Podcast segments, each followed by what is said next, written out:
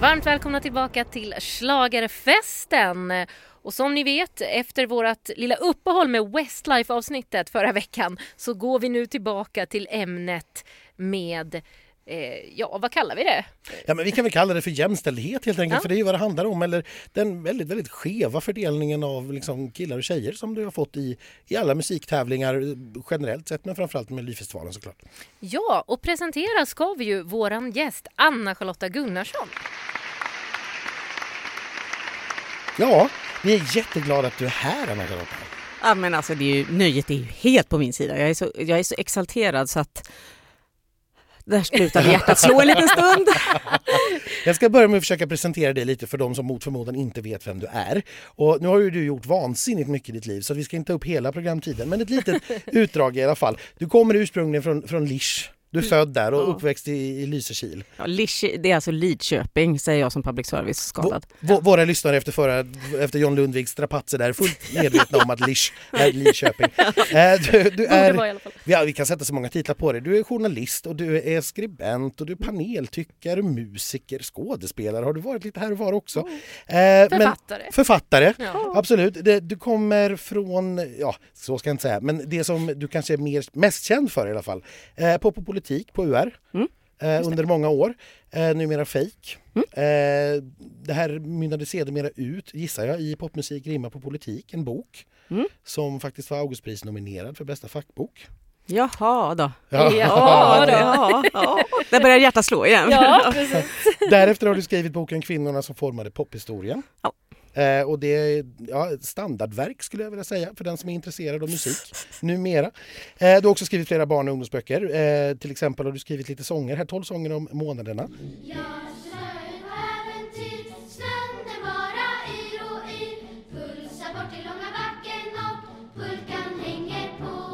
Som ju var Grammis-nominerad för Ja, Men några år sedan. det är, med. Ja, det är inte klokt. Nej. Herregud. Vad är det för jävla kärring? Vi är Ja. så stolta att Och du har är här. eget band ihop med Kristel som heter 500 mil. Jaha. Skitbra om ni inte har upptäckt dem på Spotify så nu när det ändå är schlagerfritt så gå in och gör det.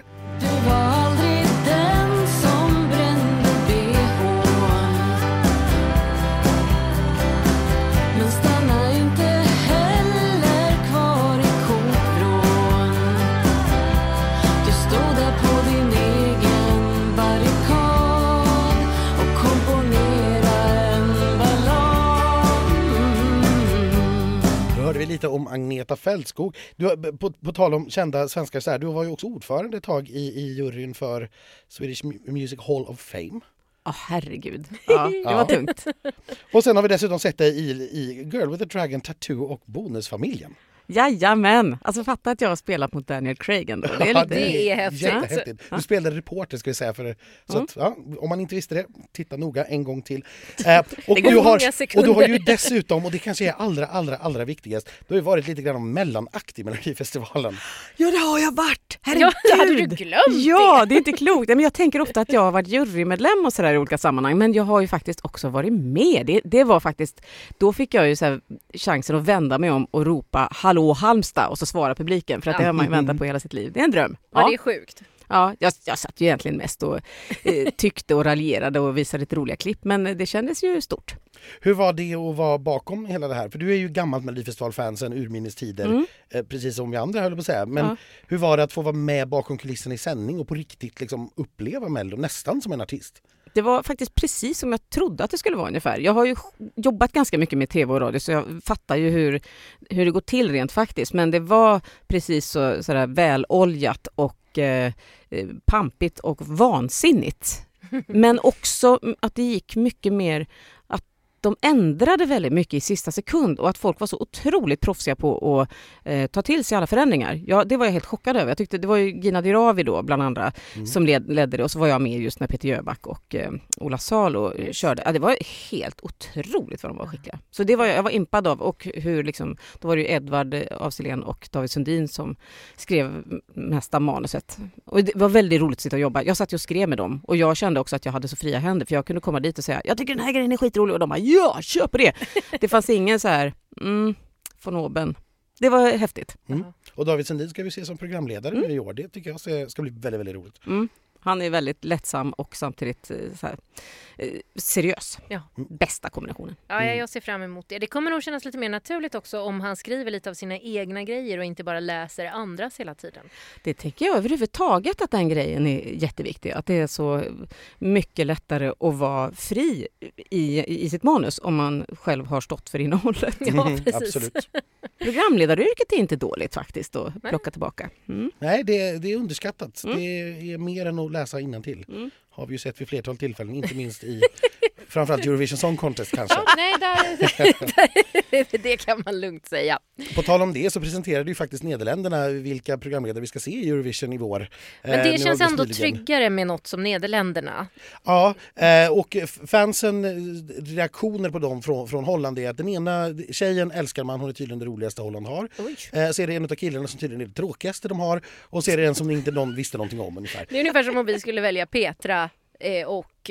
Ja, nej, jag vågar inte Ja, säga någon, någon. nej, men jag vet inte, någon, någon, Claes Elfsberg. Jag var precis på väg att säga någon nyhetsuppläsare kanske. Ja, Ja. vilken kombo! Ja, vi får se, det blir säkert jättebra. Jag tänkte att för nu ska vi ju då prata om eh, kvinnor och eh, män i Melodifestivalen och hur det här har fördelat sig över eh, åren. Jag har en, eh, räknat och tittat och, och sådär massvis och har en liten bakgrund. Du har en bunt papper med dig och har ju massvis i huvudet. Så, men jag tänkte att jag skulle börja med en liten utmaning här till dig som jag jag vet inte vad jag blev mest chockad över när jag satt och gjorde detta. Att, att det såg ut så här eller att jag inte visste om det. Du körde ju det här quizet på mig Ja. igår som test och jag, eh, nu ska vi väl inte säga min reaktion för då kanske vi ger bort lite av svaren här, men vi kör. Ja, det började så här. Alltså första året så var det ju, vi började längst bak i historien 1958. Vi hade ju ingen melodifestival utan SVT tillfrågade ju Alice Babs som tackade ja lite motvilligt och fick ändra text och sådär. Men hon sjöng ju då i alla fall i Eurovision Song Contest för Sverige. Därefter följde fem stycken kvinnor till som gjorde det. Eh, Så vi hade sex kvinnor i rad för Sverige i Eurovision Song Contest i lite olika former. Men Melodifestivalen har ju förändrats genom åren. Sen gjorde vi ett uppehåll 1964 eh, för att vi hade en artiststrejk. Eh, från 1964 och fram de nästföljande 20 åren, alltså fram till 1984, hur många kvinnliga akter vann Melodifestivalen då? Ehm, jag ska tänka här nu, för jag vet ju att mellan 75 och 82 så var, alltså det var ju innan Chips där så var det ju sex killar på rad. Det vet jag att jag har reagerat på tidigare att ingen gjorde någon stor grej av och jag tycker det är jätteintressant att det var så mitt under progg-eran. Ehm, men ja, ehm, helkvinnliga. Mm.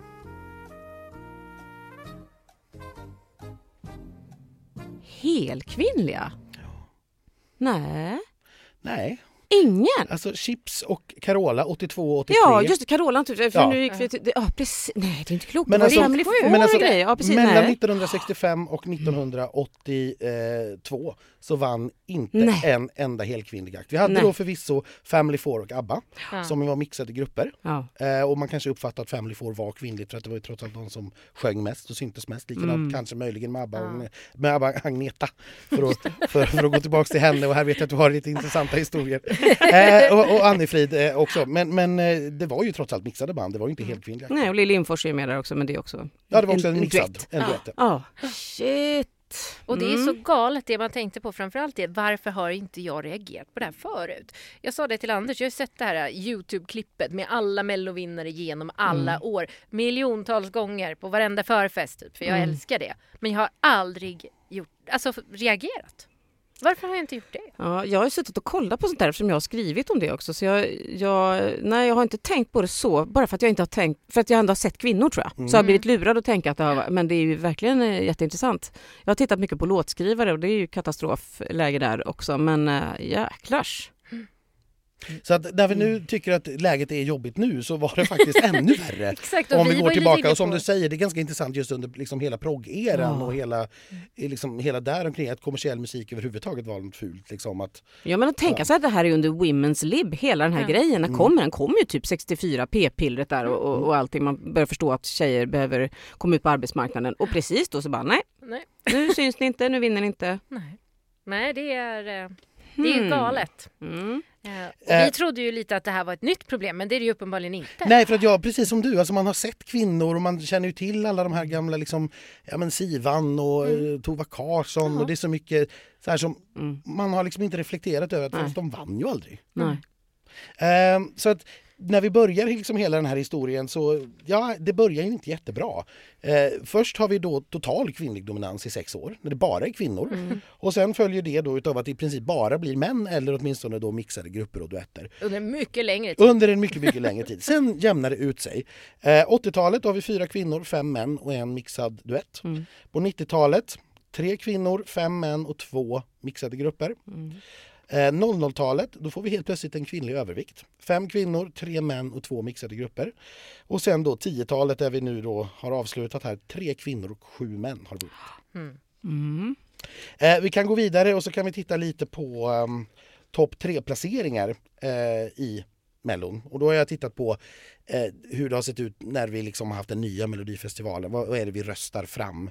Eh, det känns lite mer rättvist än att gå tillbaka till tiden när vi hade vykortsröstning eller röksignaler eller hur man nu... Vad man nu gjorde. Morse. Ja, ja, så- sådär. Eh, och tittar vi då på hur eh, topp tre har sett ut i Melodifestivalen. Så mellan 02 och 10, alltså första halvan av den här 20-årsperioden, så hade vi 41 procent eh, kvinnor eh, och vi hade 37 procent män och 22 procent mixade grupper I topp tre. i topp tre. Mm. Så här var det liksom, första halvan av, av det här var liksom väldigt jämnt. 41-37. Ja. Ja. jämnare går ju liksom inte att få det. Nej, och jättespännande också att mixade grupper funkar. Ja. Ja. Eller Ja. funkade, ska vi säga. Funkade. Ja, precis. Ja. Jag menar det. Ja, funkar under den här perioden, tänker jag. Mm. Precis. Här hade vi, ska vi säga, eh, Friends och Alcazar är väl eh, två Mm. som dyker upp både här och var. Mm. Eh, som, som mixade. Eh, men sen hände ju då någonting 11 till 2019. Utav topp tre placeringarna så har då helt plötsligt 19% gått till kvinnor och 74% till män. Eh, Medan 7% har gått till mixade grupper. Så nu är vi inte intresserade av mixade grupper, vi vill ha killar. Ja. Det är det vi har röstat på. Och går man eh, ännu längre tillbaka eh, och tittar på hur könsmixen har varit i finalen, alltså vad är det vi har röstat fram till final, Mm. eh, så var det eh, 02 till 10, 47% kvinnor, 38% män och 15 mixade grupper. Gud vad de gick bra alltså. Ja, det, det var jättepopulärt, men så här, det Friends och Alcazar står för flera stycken utav det här. Absolut, absolut. Men sen känns det som att det Fame var... ska vi inte glömma Nej bort där exakt, och heller. det var liksom Fame gjorde någon form av era där för sen kom ju Jan Johansson och Pernilla Wahlgren och det var väldigt populärt att göra duett Mm. Ja, framförallt. men det, men det vi ser när vi tittar på både det här, eh, alltså att det fanns en liten svag kvinnlig övervikt men det var väldigt jämnt. Mm. Eh, alltså, som sagt, det är ju ett ganska litet exempel ändå när vi tittar på det här så att 50-50 blir det ju liksom inte och det finns ju inget sånt krav heller såklart. Men tittar vi på finalen, finalerna eh, 2011 till 2019 då är det 33% kvinnor och 63% män eh, och bara 4% mixade Är det grupper. sant? Det är ju- Så att, och då har vi, alltså höjdpunkten på det här var väl 2013 Ja, då när vi bara ja. hade en enda kvinna med i finalen. Som sagt, det här är ett, det är ett gammalt problem eh, som har aktualiserats igen för vi Mm. var ju på väg till någonting annat. Men då flikar jag in en fråga här. För jag har en känsla, Anders, att eh, trots att det är färre kvinnor som har vunnit Melodifestivalen har väl ändå när vi väl har skickat kvinnor så har det väl ändå gått bättre i Eurovision än när vi har skickat män? Ja, delvis. Eh, vi, har ju, vi har ju fler vinnare. Vi har tre kvinnliga vinster. Mm. Eh, vi har två manliga och så har vi en mixad Ja. grupp. Eh, så att ja, så tillvida. Tittar man längre i Eurovision Song Contest så har vi i topp tre placeringar så är det sex kvinnliga akter, fyra manliga och tre mixade. Att de är mixade. Ja, ja, men de är det är det populära. vi, nästa år kommer det bara vara mixade akter i Mello. Heja Simon Peyron och Precis, Ellen Benediktsson. Jajamensan. Tittar vi på topp fem, för det roade jag mig också med, då har vi åtta kvinnliga eh, akter, sju manliga och sex mixade. Så att det är ganska jämnt, men ett litet försprång för kvinnorna i Eurovision. Det går lite bättre för dem, i synnerhet eftersom de är så mycket färre. Jag tänkte säga det, Ja, procentuellt Precis, sett så ja. har det ju definitivt gått bättre för kvinnorna då. Ja, och ska man ge sig på att titta på en genomsnittsplacering, vilket är lite svårt eftersom så här, ja, vissa, länder har, det- eller vissa år har det ju varit typ 13 deltagande länder och, och andra är det 26. Eh, så ligger ändå då, eh, kvinnor ligger på genomsnittsplacering av 7,9 medan männen ligger på 9,6. Ja, du. Men allra bäst går det ju för de mixade grupperna som ligger på ett genomsnitt på 5,9 placering. Man har aldrig varit sämre än 13. Ellen sitter och gnuggar sina händer. Ja. Ja, det du- måste hon göra. Vi får bjuda in henne också tror jag. Och Hanna Färm gråter. Ja, hon Nej, bara- jag skulle tagit med Liam nästa år. Hade ju chansen förra året. Ja. Ja. Ja. ja, men det här är ju sjukt intressant fakta. Mm. Men vad, vad, vad säger vi om det här då? Vad, vad, vad tror du att det beror på Anna-Charlotta? Jag tänker att hjärtappen spelar stor roll. Eh, Någonting har ju definitivt eh, förstärkts av att den kom in i bilden. Mm. Och eh, det ser ju så himla... Alltså i och med att det inte har varit, tänker jag rätt nu va, inte en tjej sedan den infördes va? Nej, det är Eh, korrekt. Som När kom den? 2015? 2015. Ja. Mm. Eh, och eftersom det finns, det finns ju forskning på hur eh, den här typen av musikprogram eh, appellerar till olika grupper. Som är, det finns ju en professor som heter Hillevi Garnets till exempel som har tittat på det. Det finns avhandlingar som kollar på hur folk har röstat i Fame Factory och i Let's Dance och så vidare. Så är, det finns ju en övervikt på eh, tjejer som röstar. Och det handlar också om ehm, synen på, tänker jag, hur, hur eh, coolt eller pinsamt det är att rösta. Vem som är införlivad i vilken typ av kultur. Och om vi nu tittar på den heterosexuella manliga kulturen så är det ju inte att ringa till Idol och Melodifestivalen som står högst i kurs där. Nej, Nej. att titta på det kan vara ett stort steg kanske till och med. Precis. Mm. Precis. Och att sen då sätta sig ner och rösta fram någon annan än då till exempel Ove Thörnqvist eller eh, ja, men vi, vi, alltså vem som helst. Alltså, då kanske Robin Bengtsson känns liksom som ändå ganska, ja men det känns, oh, jag förstår. Eller Frans är en fotbollskille, ja men det kan väl kanske så här. Ehm, för att den manliga kulturen, om vi nu tittar på heteromanliga kulturen som ju faktiskt inte är den som man brukar liksom först och främst prata om när det gäller Melodifestivalen, så är ju den mycket mer eh, förknippad med, med till exempel sport. Då. Hade man kunnat rösta i fotboll så hade man ju haft en extremt manlig övervikt på inringande och Mm. hjärtappande killar där. Ehm, men här är det ju liksom, för tjejer är det mycket lättare att säga att man har ehm, ringt 42 gånger på eh, Tusse i Idol Mm. till exempel. Och det är ju verkligen, det här är ju inte bara något som jag sitter och tycker utan det finns ju forskning på att det är mycket lättare för tjejer och homosexuella män. För att det också finns en kultur där som också är liksom, det finns, det är en fri, det är en fri, mer tillåtande kultur. Mm. Förlåt, vad sa du? Ja, nej, eh, varför röstar inte tjejer på tjejer? Men jag tror att vi alla är präglade på snubbar från att vi var små. Vi har sett killar vara eh, fin- befinna sig i alla positioner i samhället. De har varit de eh, mäktigaste och de har varit i alla möjliga stilar och former och vi accepterar det på ett, på ett sätt. Liksom.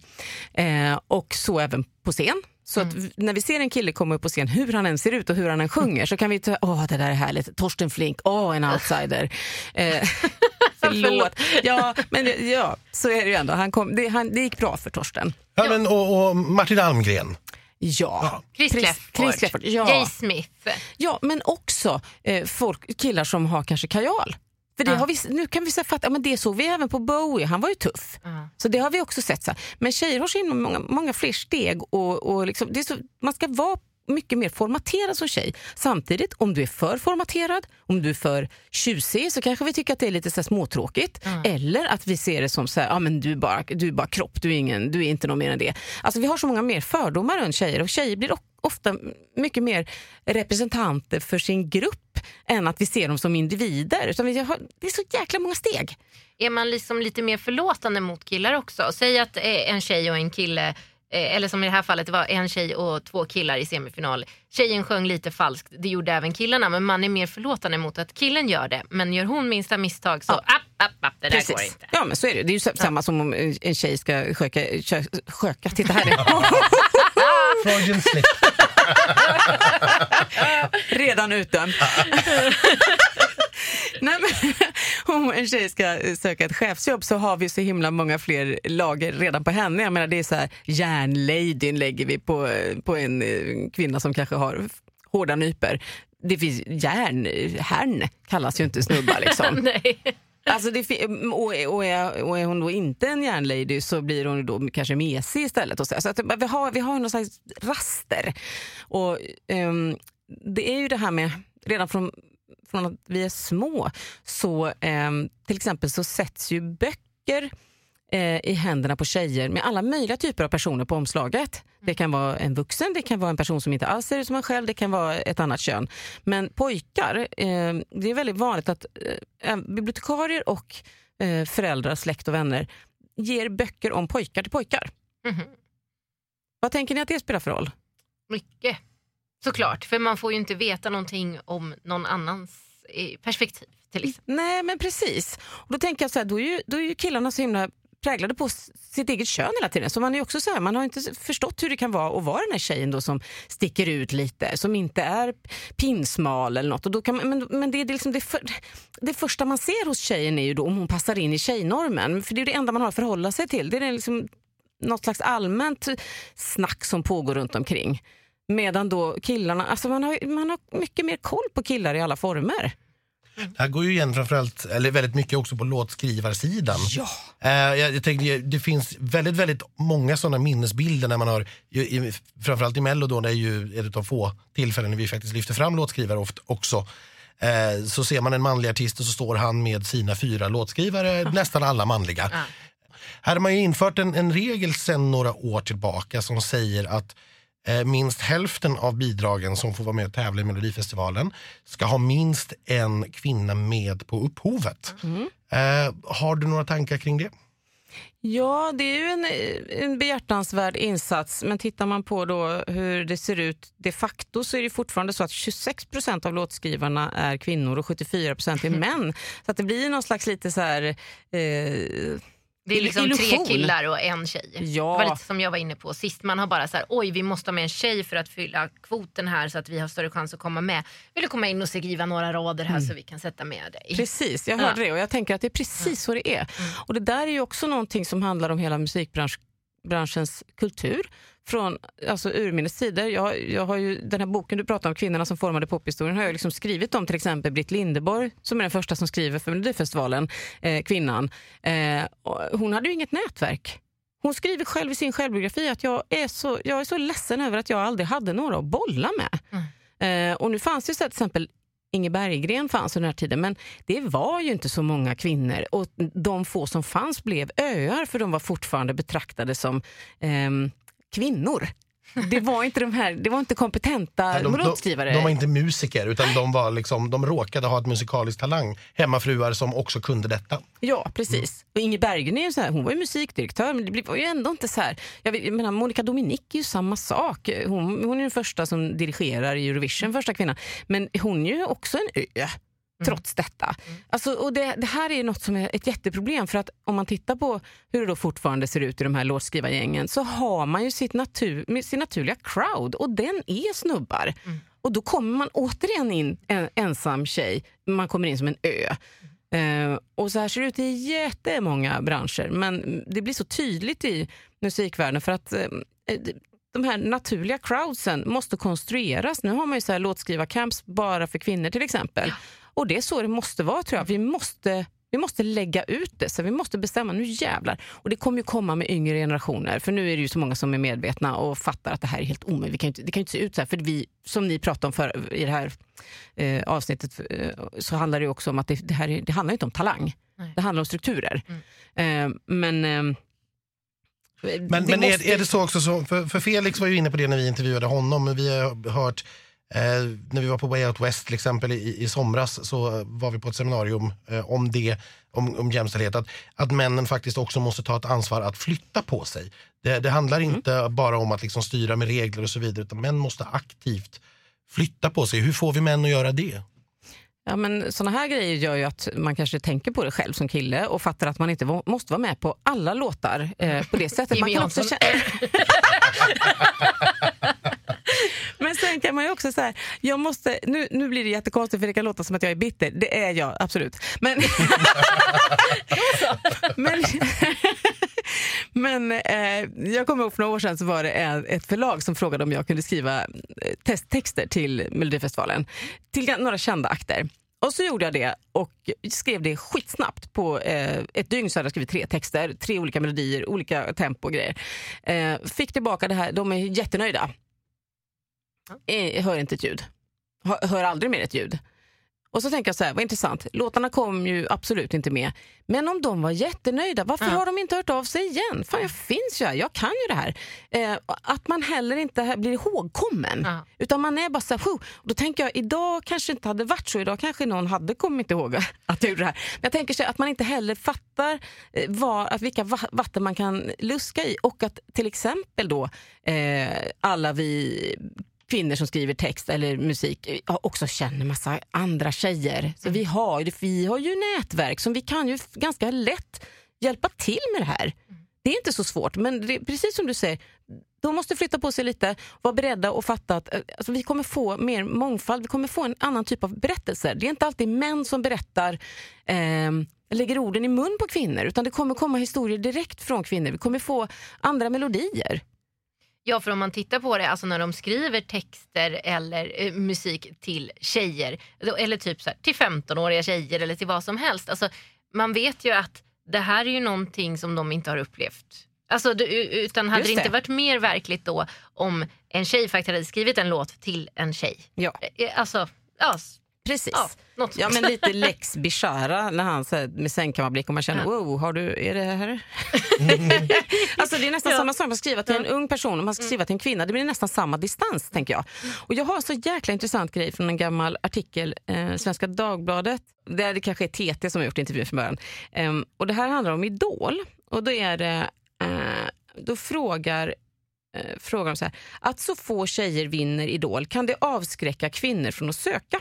Och då svarar TV4s representant, jag varken tror eller hoppas att det är så och vi har sett de senaste åren att det är betydligt fler tjejer än killar som söker, säger hon.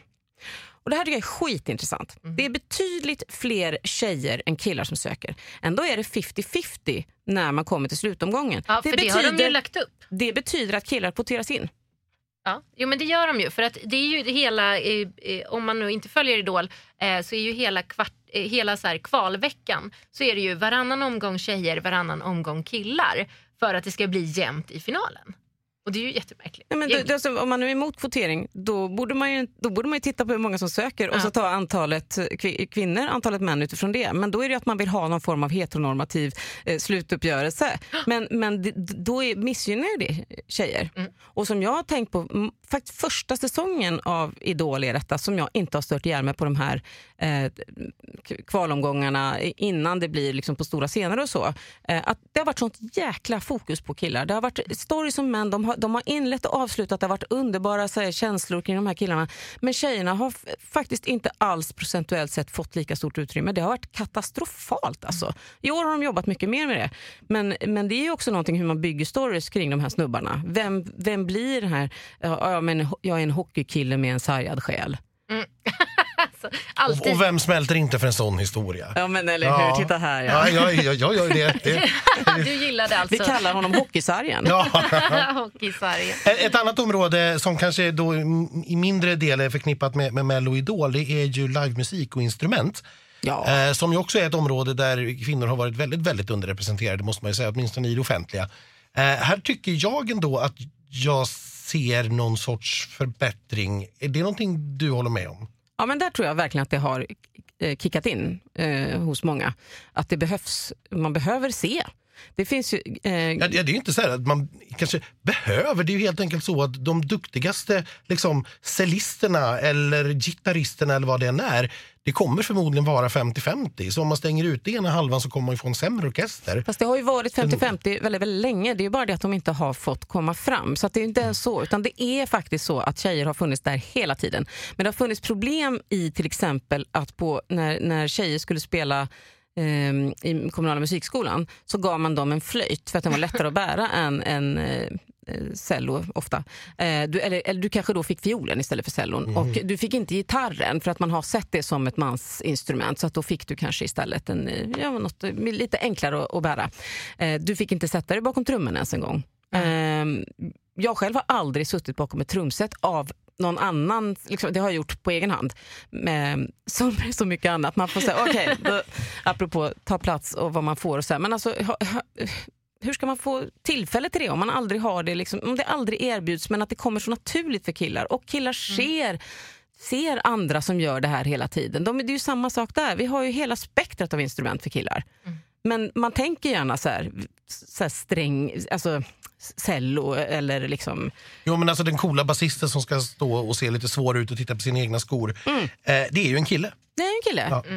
Och har man inte det, att man ser det, så, så är det mycket svårare att ta steget och själv eh, se sig själv i den rollen och framförallt bli den. Eh, men jag tror att jättemånga har fattat det, att det faktiskt också handlar om vad vi ser och också aktivt börjat leta. Jag känner jättemånga killar som är musiker som verkligen jobbar med det. Däremot så finns det ytterligare ett steg som vi måste titta på nu och det är att det inte alltid de som kommer in som musiker eh, och är kvinnor eh, är eh, unga. Nej, För att det, det. är något som jag tycker är ett jätteproblem. För då ska de komma typ direkt från Popkollo eller Rytmus eller någonstans där det finns en specialskola för, där man utbildar de som kan ett perfekt drop.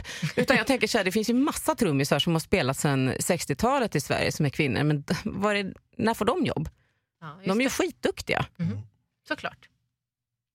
Men det här kommer jag, jag kommer inte ihåg. Kommer du ihåg vad bandet hette som han sångaren i Way Out West kom ifrån som sa att de bara har kvinnliga förband. Och de har det liksom som Det är, policy. ganska, det, men det är ganska vanligt faktiskt. Mm. Ja, det var svinbra tycker jag. Att det, ja, det är nog fler och fler som gör det. Så att man, men, men det är fortfarande det. Mm, ja, man ska ju också vara Nej, ak- det- huvudakt någon gång. Ja, nej, Ja, men det, ja, precis. precis. Det, det de menade var ju att det var ett sätt att liksom vänja publiken vid att Mm. det är lika naturligt att det står en kvinna på scen som att det står ett, ett gäng snubbar på scen. Mm. Ehm, ja. Men ja, se- sett i stort då, hur, hur tycker du ändå att vi går åt rätt håll? Trots allt det här tråkiga och jobbiga som vi har pratat om nu. Sker det ändå liksom genom, ja, inte minst genom det du gör och, och ditt arbete och dina böcker och samtalet liksom i musikbranschen i stort där du rör dig? Finns det en större medvetenhet? Är man villig att göra någonting? Händer det någonting? Går det åt rätt håll någonstans? Det går framåt och bakåt parallellt skulle jag säga, för jag tycker det går så sjukt långsamt. Det händer ju massa saker i och med att folk har börjat prata om det och man börjar också förstå att det är lite kreddigt att plocka in kvinnor. Så det är ju också lite läckert. Man kan omge sig med det här nya metoo-kopplade greppet, nämligen att tjejer också kan. Eh, och då eh, så gör man det kanske ibland eh, för sakens skull och det är väl skitbra. Men det viktigaste är ju att det faktiskt på riktigt landar att tjejer är lika bra och också få vara lika jävla dåliga som killar. För killar blir förlåtna hela tiden. Tjejer ska prestera, gör de inte det med en gång så åker de ut med badvattnet. Men, eh, så, alltså, så det händer massa bra grejer, men eh, det här med att, att låtskrivarna fortfarande inte har blivit mer än en fjärdedel när vi har då ett uttalat mål från SVT att öka andelen kvinnor, det är ju inte klokt. Nej. Jag tycker inte det är klokt. Och jag tycker inte det är klokt att det är så få låtar som är helskrivna av kvinnor. Alltså som eh, 2019 så var det liksom var det två bidrag med helkvinnliga. Ehm, Lisa Ajax låt Ja, precis. och ehm, Malou Prytz. Malou Prytz, precis ja. Ja. Nej, men det, det är precis så. Och, ehm, Att jämföra då med hur många som hade helt manliga uppsättningar, vilket ju var närmare hälften. Och på presskonferensen så höll de på hela tiden på då eh, och säga så här, och det här har em, en kvinna varit med och skrivit, eller det här har skrivits av fyra kvinnor. Men när det var fyra män så höll man ju käft om det. Ja. Och det blir också lite så här löjligt, så här, sluta och låtsas att det är mer än vad det är. Ändra på det i grunden istället så behöver ni inte hålla på med någon slags här, eh, fluff-fluff runt omkring. Nej. Eh, och det tänker jag så här, om man nu faktiskt på riktigt i Idol till exempel och kvoterar in killar för att man vill ha 50-50, då kan man göra det i Melodifestivalen också. Mm. Och det kommer inte bli sämre. Ja, när vi gjorde Pop och politik så hade vi uttalat från mål att vi skulle ha 50-50 kvinnor och män som berättade sin historia. Det gjorde ju att vi, när vi hade fyllt kvoten med män, alltid var tvungna att ha liksom, eh, kvinn, kvinnors historier som fyllde upp resten. Det är alltid lättare att få in killar och säga ja och sådär. Eh, så är det. Men då eh, gjorde det att vi fick stories som ingen någonsin hade hört förut. För det var ingen som hade frågat kvinnorna. Nej, Så de hade ju ofta inte berättat alls. Som gjorde att vi fick guldkorn. Så vi frågade folk som inte hade fått prata förut och då jäklar kom det fram grejer. Så jag tänker så här, vi vet inte vad som döljer sig i de här resten av procenten som inte får komma med i Melodifestivalen. Häftigt ju. Mm. Intressant tanke. Du säger ju det att det verkar som att, eller att det är så att kvinnor röstar och engagerar sig mer när de väl tittar. Eh, vad, varför är det så? Ja, men dels det här naturligtvis då att vi, att vi är mycket mer vana, men överhuvudtaget kolla på vilka det är som bär kultursverige. Det är ju kulturtanten man pratar om.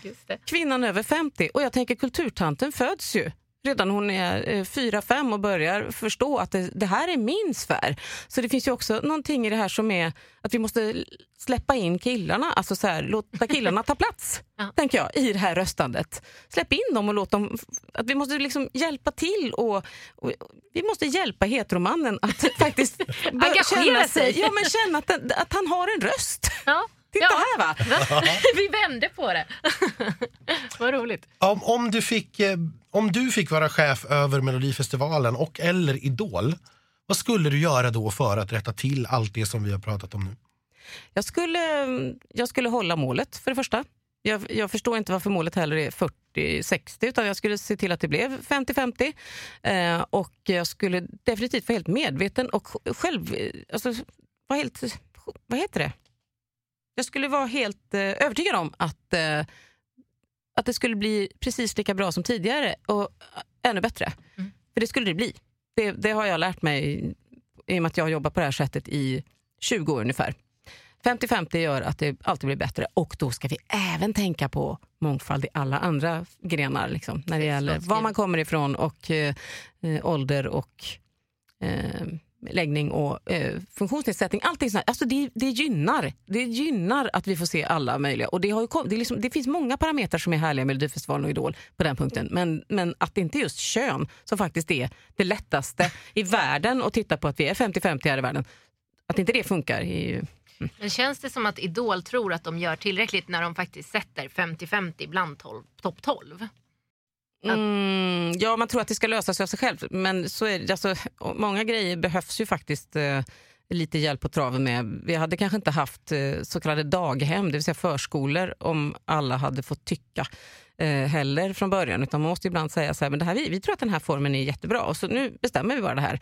Och sen så, så skulle jag nog sätta in lite fler jurys faktiskt. Ja. Jag gillar juryn, jag är inte säker på att folket alltid vet bäst. Och, vilket ju leder oss till, du har ju suttit i jury. Jaha.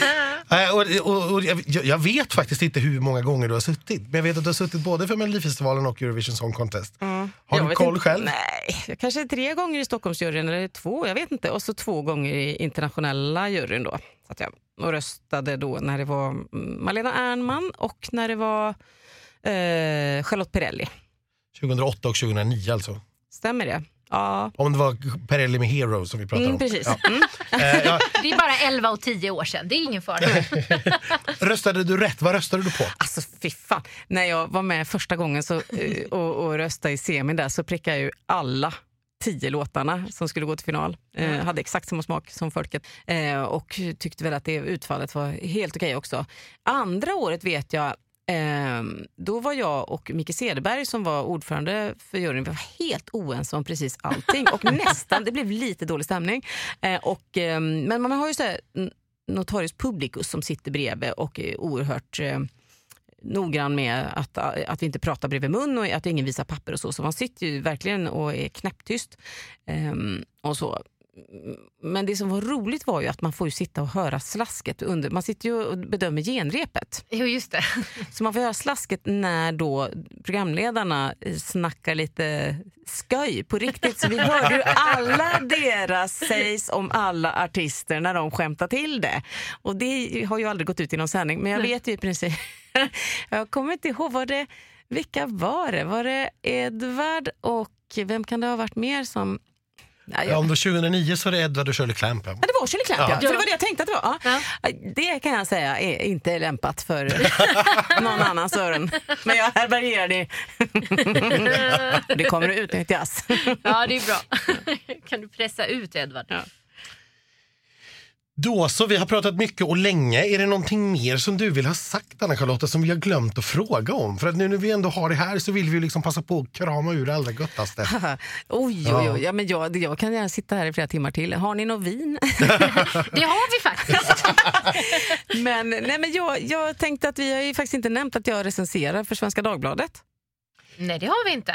Och det gör jag ju. Och det är ju en annan sida av det hela, att eh, faktiskt sitta och bedöma och det tycker jag är lite läskigt. Jag tycker det är roligt att skriva om strukturer och titta på historia och sådär. Men herregud att tycka till om de här människorna som gör sitt bästa. Egentligen vill jag ju ge sex till alla, Ja. även de som jag verkligen inte tycker om. Och det tycker Alla utom Torsten kanske. Nej, men jag, jag förstår absolut Torsten. Jag kanske, ja. Kanske får inte se. röstar, men förstår. Ja. Precis. Jag är ju, eh, annars röstar jag som tusan. Eh, men, nej, men jag tycker att det är, det är en svår del av eh, det här, den här grejen. Ja, men för så, så är det väl. Alltså, vi kan sitta här och prata om strukturer och manlig övervikt hur mycket som helst. Men det är klart, när vi väl står där inför finalen i Friends och så ska vi rösta i hjärtappen och via telefon så har jag nog ändå tyckt att ja, men de senaste fem åren det har varit killar som har varit bäst. Jag tycker det. Ja, och där började vi ju diskussionen att kan det ha att göra med att skivbolagen ger de bästa och starkaste låtarna till killar? Just det. Och det är precis vad jag tror också. Att problemet börjar där. Mm, det börjar absolut i låtskrivandet och hur man, eh, hur man är präglad på vinnaren, vinnarbilden. Eh, Det är ju samma som att det inte finns några grupper med för att det bara varit solopersoner som har vunnit tusen år tillbaka. Eh, Det ju, spelar naturligtvis jättestor roll och därför så spelar det också roll att kvinnor får skriva sina egna låtar. För att om man framför sitt eget bidrag så är det klart att det ger ju en styrka och ett självförtroende på scen. Eh, och visst, då har vi en massa snubbar som kan framföra andras bidrag. Men eh, vi måste ha tjejer som gör det i mycket större utsträckning. Berätta sin egen historia. Och ju mer vi pratar om det här så känner jag att Ellen och Simon kommer att vinna nästa år. Ellen har skrivit själv, det är en mixad grupp. Det är liksom... Va, vad skulle, vil- vilket av årets bidrag ser du mest fram emot? Vad är du mest nyfiken på? Om du får välja en. Jag kan inte säga en artist, men jag tycker Dotter ska bli jättekul att få återse. Sen eh, eh, tycker jag Anna Bergendahl var fantastisk förra året, så det blir jätteintressant. Eh, och ehm, kanske spännande att höra The Mamas, hur de låter när de är själva. Om de har fått en låt som eh, inte blir en plattityd. Eh, det tycker jag är roligt. Och sen så naturligtvis Felix och eh, Hanna. Och vad är carpool karaoke egentligen? Vi hörs igen. Vi tackar Anna-Charlotta så jättemycket för att hon ville komma hit. Och så säger vi på återhörande. Och det blir på andra sidan året som vi kommer att höras vid igen. Och eh, ja, vi hoppas att ni har en härlig jul och ett gott nytt år under tiden. Ja! Happy New